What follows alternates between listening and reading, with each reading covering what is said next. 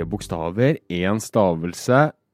Men om ordet er unnselig i seg selv, så rommer det også enormt mye smerte og tårer, og på sitt verste ren, selvutslettende lidelse. Vi skal i dag snakke om skam. Både barns skam og foreldres skam, som jo ofte er, kanskje er sammenvevd. Det er vanskelig å leve med denne skammen, men samtidig, vi trenger den også litt.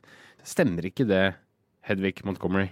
Altså, helt grunnleggende så er skam en ganske sosial følelse, fordi den sier noen ting om dette feltet mellom oss mennesker, hva vi vil vise frem og hva vi vil skjule.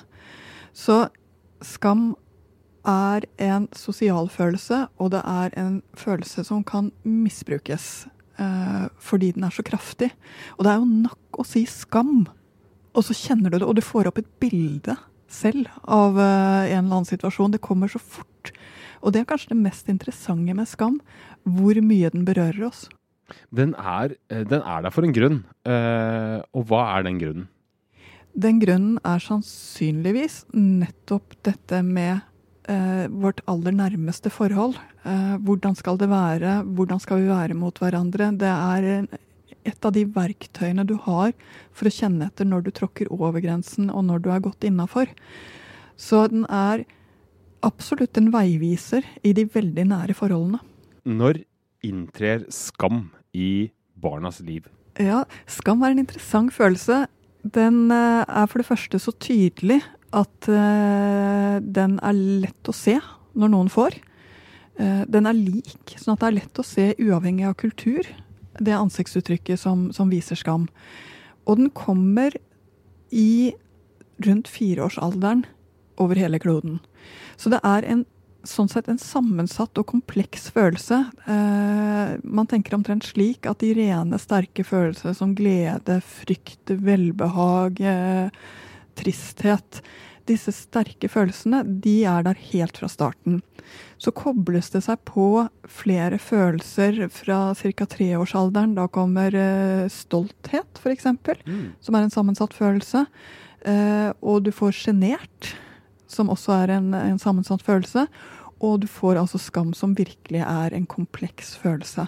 Så du får disse mer avanserte følelsene i den alderen der. Og du merker det. Du merker det nesten når skamområdet For det er et eget område i hjernen som styrer skamfølelsen. Er det? Er det.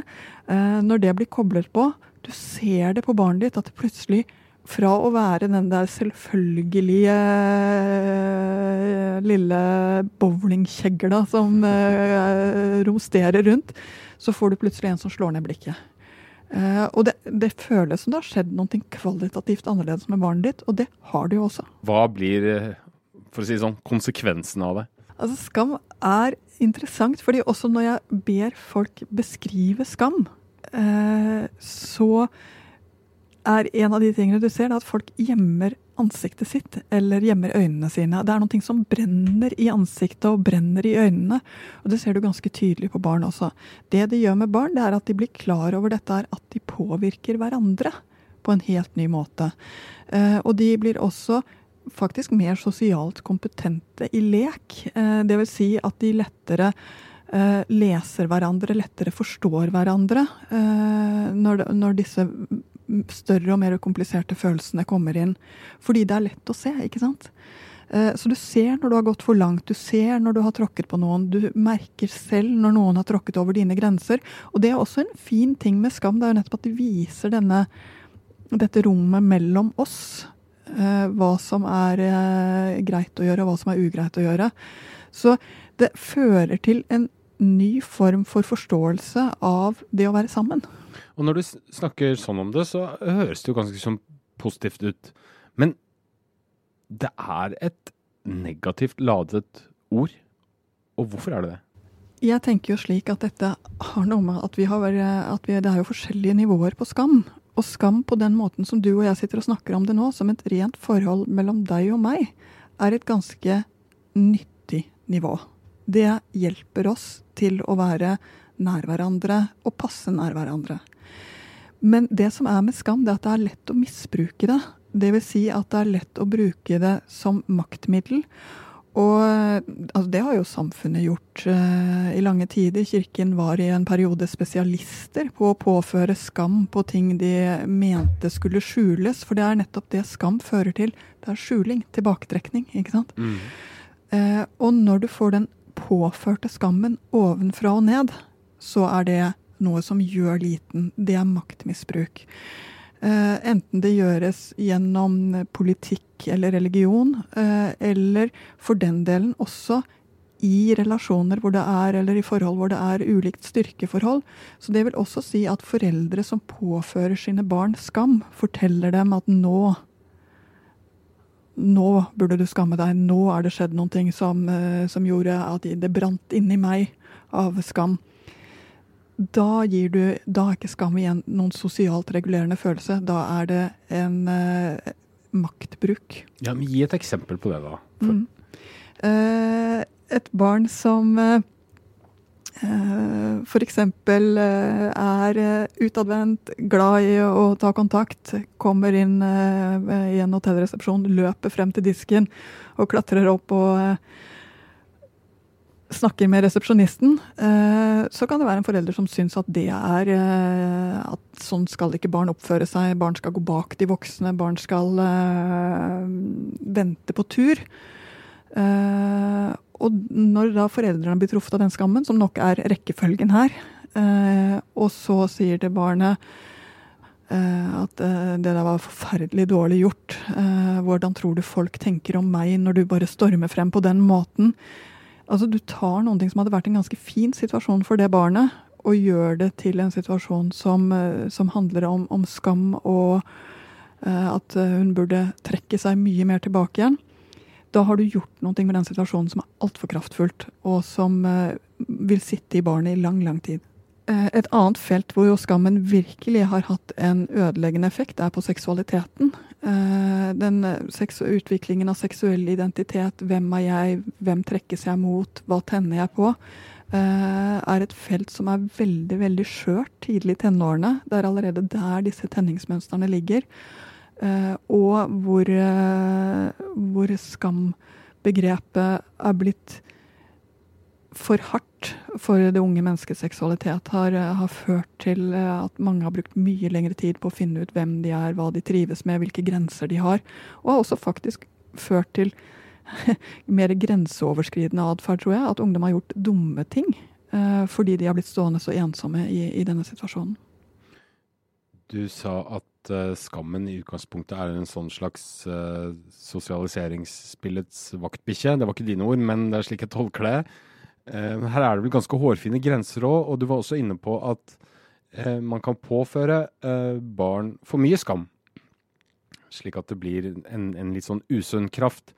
Og hva gjør det med barn når de får en forsterka skamfølelse? Mm. Altså det som skjer når det blir for mye skam, det er at det fører til tilbaketrekning. Det fører til isolasjon. Det tror jeg mange vil kjenne igjen når de har vært i situasjoner i livet hvor de har uh, virkelig skammet seg over det. Noe, et ekteskap som har gått feil, eller et, uh,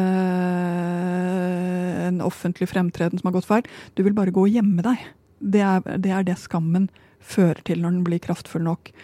Og det å bare gå og gjemme seg, blir det sittende for lenge, så er det akkurat det du gjør. Du gjemmer deg for mye, det isolerer deg, du slutter å strekke ut hånden og være i kontakt. Så mye skam fører til ensomhet. Mye skam fører også til depresjon, og sammenhengen mellom skam og depresjon er ganske sterk.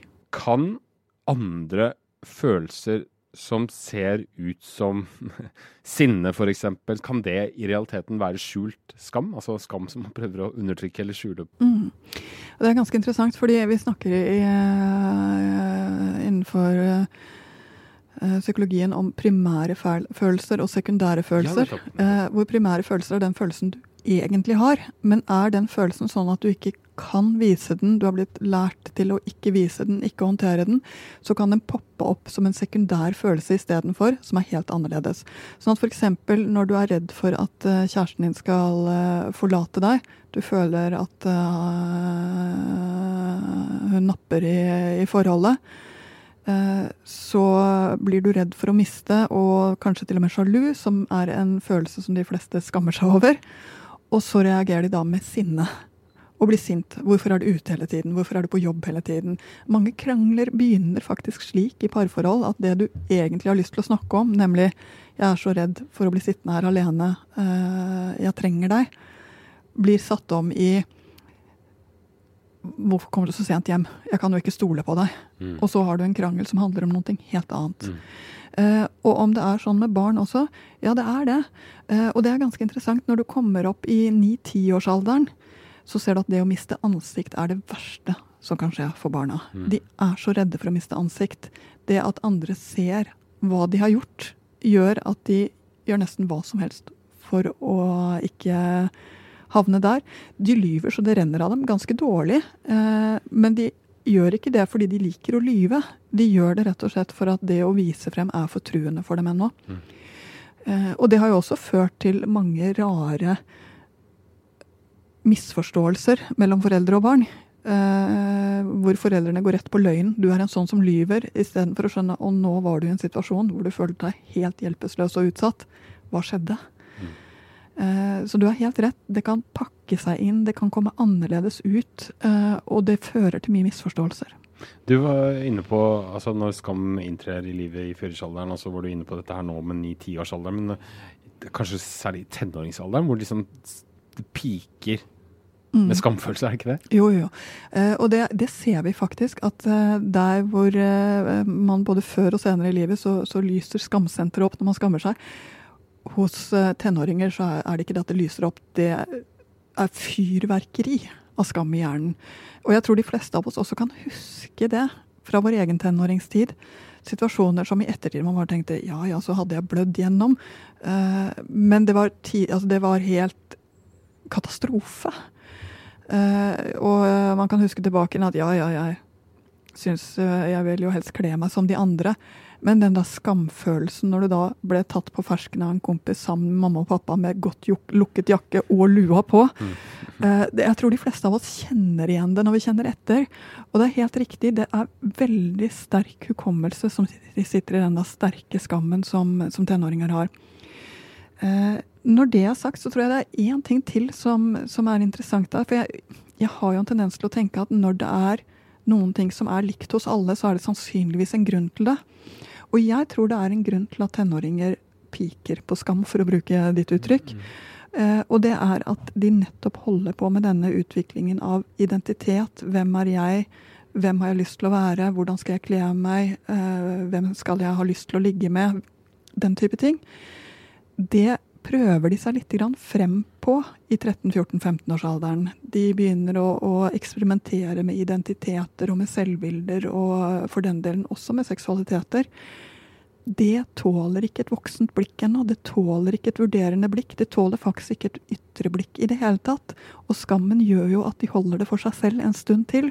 Til disse små stiklingene av identitet er klare for å settes ut på friland, og de kan si 'jeg er sånn, jeg liker dette, jeg har lyst til å kle meg sånn'. Og, og her er det kanskje en liten sånn alarmbjelle eh, til foreldre også. Altså hvordan bør man innrette seg da?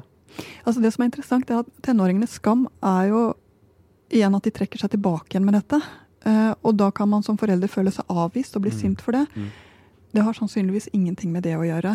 Uh, og jeg tenkte, Det er ikke lenge siden jeg satt med en uh, mor og en uh, datter som var kommet ganske langt opp i tenårene. Og hvor det som hadde tullet seg til, det var at datteren i smug var gått hen og blitt kristen i en ganske ikke-troende familie. Og så sier mor, men dette kunne du bare fortalt meg. Du kunne jo bare ha sagt det. Altså Hun er så skuffet over at datteren ikke tok henne med på denne søkingen, tok henne med i disse spørsmålene når hun begynte å søke eh, etter denne troen. Eh, men sannheten er at datteren var ikke klar for å vise frem dette for mor før. Datteren var ikke klar for å dele dette før hun hadde funnet litt ut av det selv. Og jeg tror det er lett for foreldre i dag å tro at et godt eh, foreldre-barn-forhold er at vi hele tiden deler alt. Eh, men i tenårene kommer de inn i en fase hvor de ikke skal dele alt. Hvor de skal la noen ting få lov til å gro bak dette nesten sånn eh, drivhusveggene av skam, da, for å kalle det det. Eh, det, det er noen perioder i livet hvor den skammen har en beskyttende effekt, og det tenker jeg faktisk om tenåringene. Så er det et men her. Eh, fordi nå har jeg sagt mye fint, og det er mye fint med det, men det er også et men. Og det er at skam og depresjon har en forbindelse mellom seg. Og det gjør også at tenåringene lettere går inn i depresjon. De blir lettere lei seg, de blir lettere fortvilet, og fortvilelsen føles helt bunnløs ut. Eh, skam og fortvilelse forsterker hverandre. Eh, så det gjør også at vi skal være forsiktige med dem i den alderen. Vi skal ikke øke skammen, fordi den er allerede skrudd opp så høyt som det tåler. Vi skal eh, tåle bedre at de er som de er, for ikke å sette dem ut på en farlig vei. Dette her er vanskelig greier. Så hva er liksom den perfekte rollen å innta da? At man både skal ha respekt for at de skal inn i cella si, og um, samtidig være på tilbudssida, da, eller? Mm. Jeg tror det handler litt om å smile til det de kommer med. Og smile til dem når de trenger det smilet. Ikke tenke når han oppfører seg sånn, skal jeg i hvert fall ikke smile til ham bare fordi han trenger det nå. Mm. Den er en ikke helt unaturlig uh, sirkel å gå i, men det skyver tenåringene inn i ensomhet. La oss snakke litt uh, også om det vi kan kalle en slags foreldreskam. Altså den skammen man kan føle på vegne av sin egen familie eller sine egne barn overfor andre foreldre, kanskje. Hva er de typiske liksom, trekkene her? Og jeg tror vi alle på et eller annet vis har vært der. Jeg må jo si at jeg kan fortsatt jeg må holdt nesten på å si gå og gjemme meg når jeg tenker på eh, Spesielt da jeg var eh, mye alene med mitt første barn. Og var den i barnehagen som kom med to eh, ferdigkjøpte brownies-kaker som jeg hadde presset sammen og tatt melis over, så det skulle se ut som jeg hadde bakt det selv. Jeg hadde stiftet fordi jeg oppdaget for seint at det var karneval, så hadde jeg til slutt stiftet et Postmann Pat-kostyme kvelden før. Fordi jeg ikke fant symaskinen på det tidspunktet. Uh, jeg hadde en sånn konstant følelse av å være hun dårlige, hun som personalet liksom snakket litt om og sa at ja, der kommer hun, vet du. Leverer først og hente sist og mm. uh, Jeg hadde nok den der vurderende blikket fra de andre foreldrene kjente jeg kunne brenne i ryggen innimellom. Det gjør en ikke til noe bedre forelder. Eh, fordi når du får det der vurderende blikket, så er det vanskelig å bli seg selv på sitt beste. Det er vanskelig å føle seg fri, det er vanskelig å møte en, vanskelig, eh, en situasjon med barnet som da kanskje skjer i garderoben på en sånn måte at det er nyttig. Nettopp fordi at du føler den der skammen. Så jeg, det, er, det er nesten en av mine kjepphester, kjenner jeg. Det er at foreldre må ha en raushet i forhold til hverandre. Når du ser en annen forelder som står i en vanskelig situasjon med barnet eh, sitt, så skal du helt aktivt tenke at det er det sikkert en god grunn til. Eh, jeg hadde sikkert ikke klart noe bedre. Uh, Istedenfor å tenke den første tanken som nesten alle mennesker tenker fordi det får oss til å føle oss så bra der og da, nemlig ah, 'godt det ikke er meg', den der hadde jeg håndtert'. Ja, sånn er det aldri hjemme hos oss. Nei. for når du har tenkt det, Eh, så er, så er, det klart det booster deg, men det gjør det på en litt dårlig måte. Og det andre det er at du kjenner at andre mennesker tenker akkurat det. Hmm. Du kjenner det. Og det blikket du får fra en annen foreldre som nikker og smiler oppmuntrende til deg, kontra en annen som ser på deg og, tenker, og du ser at de tenker ja ja, sånn kan det også gjøres. Mm. Mm. Eh, det er en veldig stor forskjell. Og jeg tror foreldre vi trenger et foreldrefellesskap. Vi trenger å se hverandre på en bra måte. Vi trenger ikke at farmor eh, ser på barnet vårt med, og, og, på oss med den der Burde hun ikke ha kontroll på barna sine-blikket? Mm. Eh, det gjør oss dårligere. Mm. Eh, la den som står i situasjonen, få kjenne seg bedre, ikke mm. dårligere. Mm. Jeg hadde et eh, det, det, var et ganske sånn Det var vel i den lettere kategorien, men den, den brant, den også. Når jeg hadde Jeg tror kanskje jeg nevnte det før, men jeg eh, hadde glemt at det var bakedag med forkle og kjevle. Og da jeg innså det kom i garderoben Eh, der. Og alle kom med fine Noen var sikkert håndsydd også. Forklær og kokkelur og sånt. Så hadde jeg altså så lyst til å skrape av meg huden og sage et hull i gulvet og gjemme meg. Eh, og følte meg utrolig dårlig. Men det var en veldig fillete ting å føle seg dårlig for. Men jeg klarte ikke å la være. Nei, nei. Og det er også interessant med skam. Det er en motorveisfølelse. Den går så fort. Mhm. Eh, og den går så fort til 'jeg er ubrukelig'. Mm. Den går så fort til 'jeg fikser ingenting'. Mm. Eh, og det du virkelig trenger, både du og barnet ditt, når dere står i de situasjonene, det er at noen sier til deg 'vet du hva, det går helt fint. Du fikser dette'. denne frykten for å stikke seg ut negativt, uh, at barnet skal stikke seg ut negativt, annerledeshet, avvik, som jo er helt normalt, uh, fordi at alle kan ikke være strømlinjeforma, og det er kanskje de, de som er annerledes som gjør verden uh, et råere sted å være også. Men det kan også påføre skam. Mm.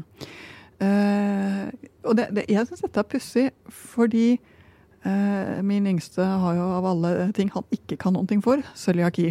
Uh, som er, betyr at jeg må følge mye med på når han skal bort. Eh, Det å invitere ham på middag er å få en arbeidsoppgave i fanget, for da får du en liste over ting du må følge.